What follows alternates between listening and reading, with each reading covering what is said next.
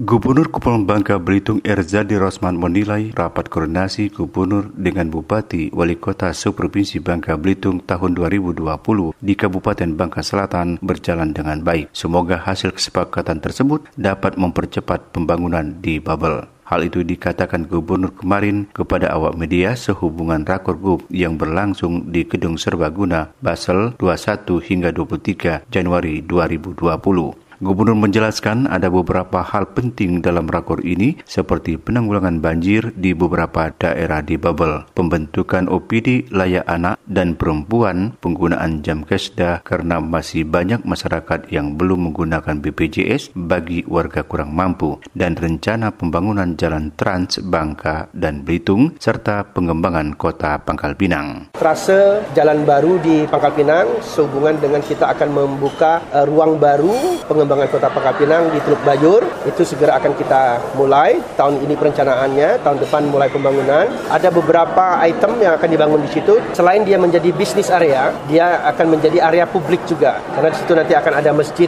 terapung dan RTH yang cukup besar sama museum dan tugu daripada pahlawan kita Jabati Amir. Segera tahun 2021 tahun ini adalah perencanaannya. Dan beberapa item-item lainnya yang kita koordinasikan.